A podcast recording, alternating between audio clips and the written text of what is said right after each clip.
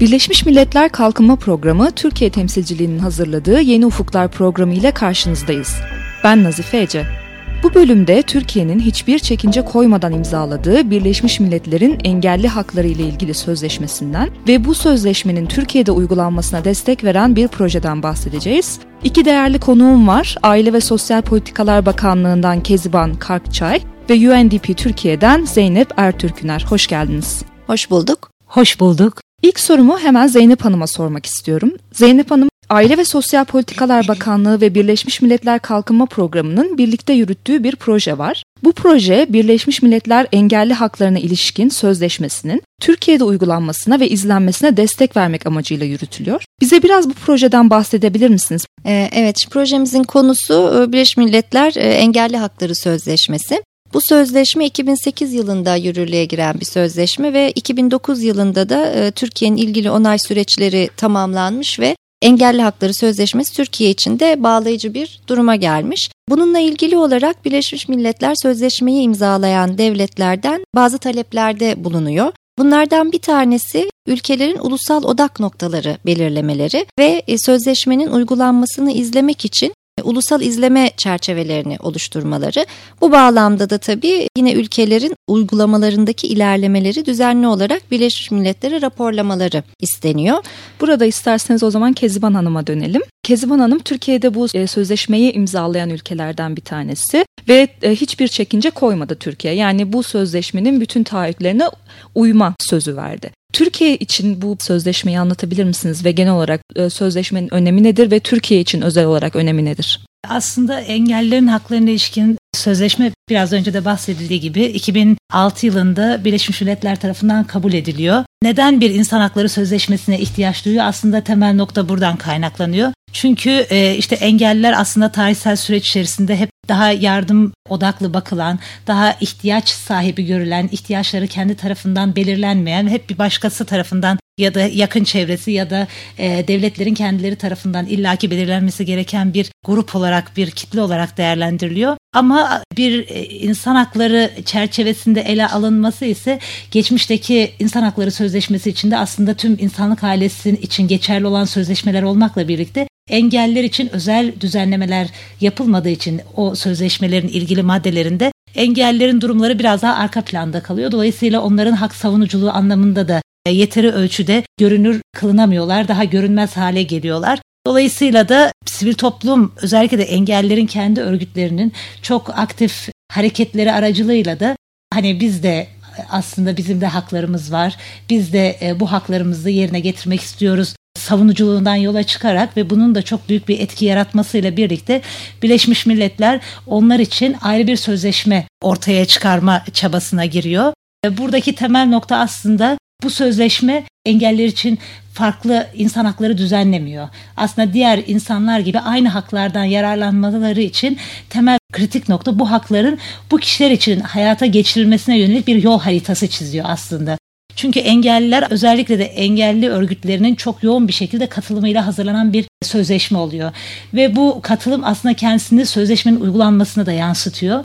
Ve Birleşmiş Milletler Genel Kurulu'nda bu ETOK komitelerde bu sözleşmenin tartışmalarını yürüttüğü komitelerde şuna karar veriliyor. Yani bu sözleşmenin hazırlığında engelli örgütleri bu kadar aktif katılıp ve ihtiyaçlarını ve kendi e, haklarını bu kadar savunurken bunun uygulanmasında da aslında çok temel kilit bir rol oynayabilecekleri düşünülüyor ve aslında sözleşmenin temel e, ilkelerinden birisi de bütün engellere yönelik oluşturulacak politikalarda aslında STK'ların e, etkin katılımının sağlanmasını öngörüyor. Hem temel bir ilke olarak hem de bir yükümlülük olarak getiriyor. Çok ayrıcı özelliklerinden biri bu sözleşmenin aslında. Ve sözleşmeyle birlikte de e, ülkemiz bu sözleşmeyi ilk imzalayan ülkeler arasında 30 Mart 2007 yılında imzaya açılmıştı ve aynı gün ülkemiz tarafından da imzalandı. Onay süreçleri 2008 yılında tamamlanarak 2009'da aslında bizim uluslararası yükümlülüğümüz haline geldi. Ve bu sözleşmeyle birlikte de sözleşmenin hükümleri tüm insan haklarını düzenleyen hükümleri olmasıyla birlikte aslında tüm kurumların da e, bu sözleşmenin uygulanmasına dahil olmasını öngörüyor. sözleşme mevcut durumda engellilerin e, politikalar anlamında daha arka planda olduğu bir durumdayken tüm politikalara entegre edilmesini öngördüğü için engellilik meselesinin aslında topyekun bir toplumsal dönüşümü öngörüyor. Birleşmiş Milletler Kalkınma Programı ile yaptığınız projeyi de bu çerçevede yürütüyorsunuz Aynen aslında. Aynen bu çerçevede yürütüyoruz çünkü aslında sözleşmenin temel yükümlülüklerinden birisi e, engellik meselesinin tüm politika ve programlara bütüncül bir şekilde dahil edilmesi, bir bileşen olarak dahil edilmesi, entegre edilmesi ve bunun da aslında bu bütüncül politikalarda nasıl bu hakların gerçekleştiğini görebilmek için de bir izleme sistemi oluşturulmasını öngörüyor. Tam da bu proje bu noktada aslında ülkemizdeki var olan politikaların ve uygulamaların belli gösterge referanslarıyla ortaya konulup ve bundan sonraki yapılacaklara bir ışık tutması e, anlamında da çok temel bir işleve sahip. Proje Mart 2013'te başladı ve Mayıs 2015'e kadar devam etmesi öngörülüyor. Bu sizin anlattığınız çerçevedeki çalışmalara destek veriyor proje. Ee, peki Zeynep Hanım'a soralım. Proje ile birlikte Mart 2013'ten beri neler yapıldı ve bu çerçevede nasıl çalışmalara destek verdi proje? Evet biz UNDP olarak e, bu projeyle Birleşmiş Milletler Engelli Hakları Sözleşmesi'nin uygulanmasının izlenmesi ve e, ilgili ilerlemelerin raporlanması konusunda Türkiye'nin çabalarına bu projeyle destek vermeye çalışıyoruz ve bu konuda odak kurum olan e, Aile ve Sosyal Politikalar Bakanlığı'nın Engelli ve Yaşlı Hizmetleri Genel Müdürlüğü ile beraber çalışıyoruz. Bu e, projenin aktiviteleri sözleşmenin uygulanmasının izlenmesi için veri tabanlarının ve kurumsal altyapıların oluşturulması ve e, ilgili ulusal izleme mekanizmalarının geliştirilmesini sağlamaya çalışıyor. İki ana başlık altında e, aktivitelerimizi değerlendiriyoruz. Birincisi e, uygulamanın izlenmesi için bu süreçte kullanılmak üzere gösterge setlerinin oluşturulması ve veri toplama metodolojilerinin geliştirilmesi. Biz bu kapsamda e, 8 ana başlık belirledik sözleşmenin içinden. Sözleşmede aslında çok daha fazla başlık var ama 8 ana başlığa biz odaklandık ilk planda proje kapsamında. Bunlar e, eğitim, istihdam, sağlık, erişilebilirlik, e, sömürü ve şiddet, kamusal ve siyasal yaşama katılım, kültürel ve spor faaliyetlerine katılım ve yeterli yaşam standardı başlıkları.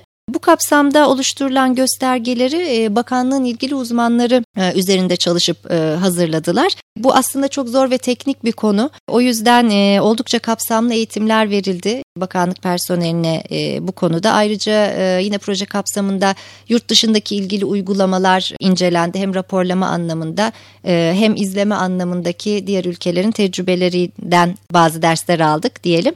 İkinci aşamamız ise ilgili yükümlülüklerini Türkiye'nin yerine getirebilmesi için e, hem sözleşme hem de e, raporlama sürecindeki gerekli katkıları konularında konuyla ilgili tüm bakanlıkların, kurumların, STK'ların e, farkındalıkların arttırılması idi.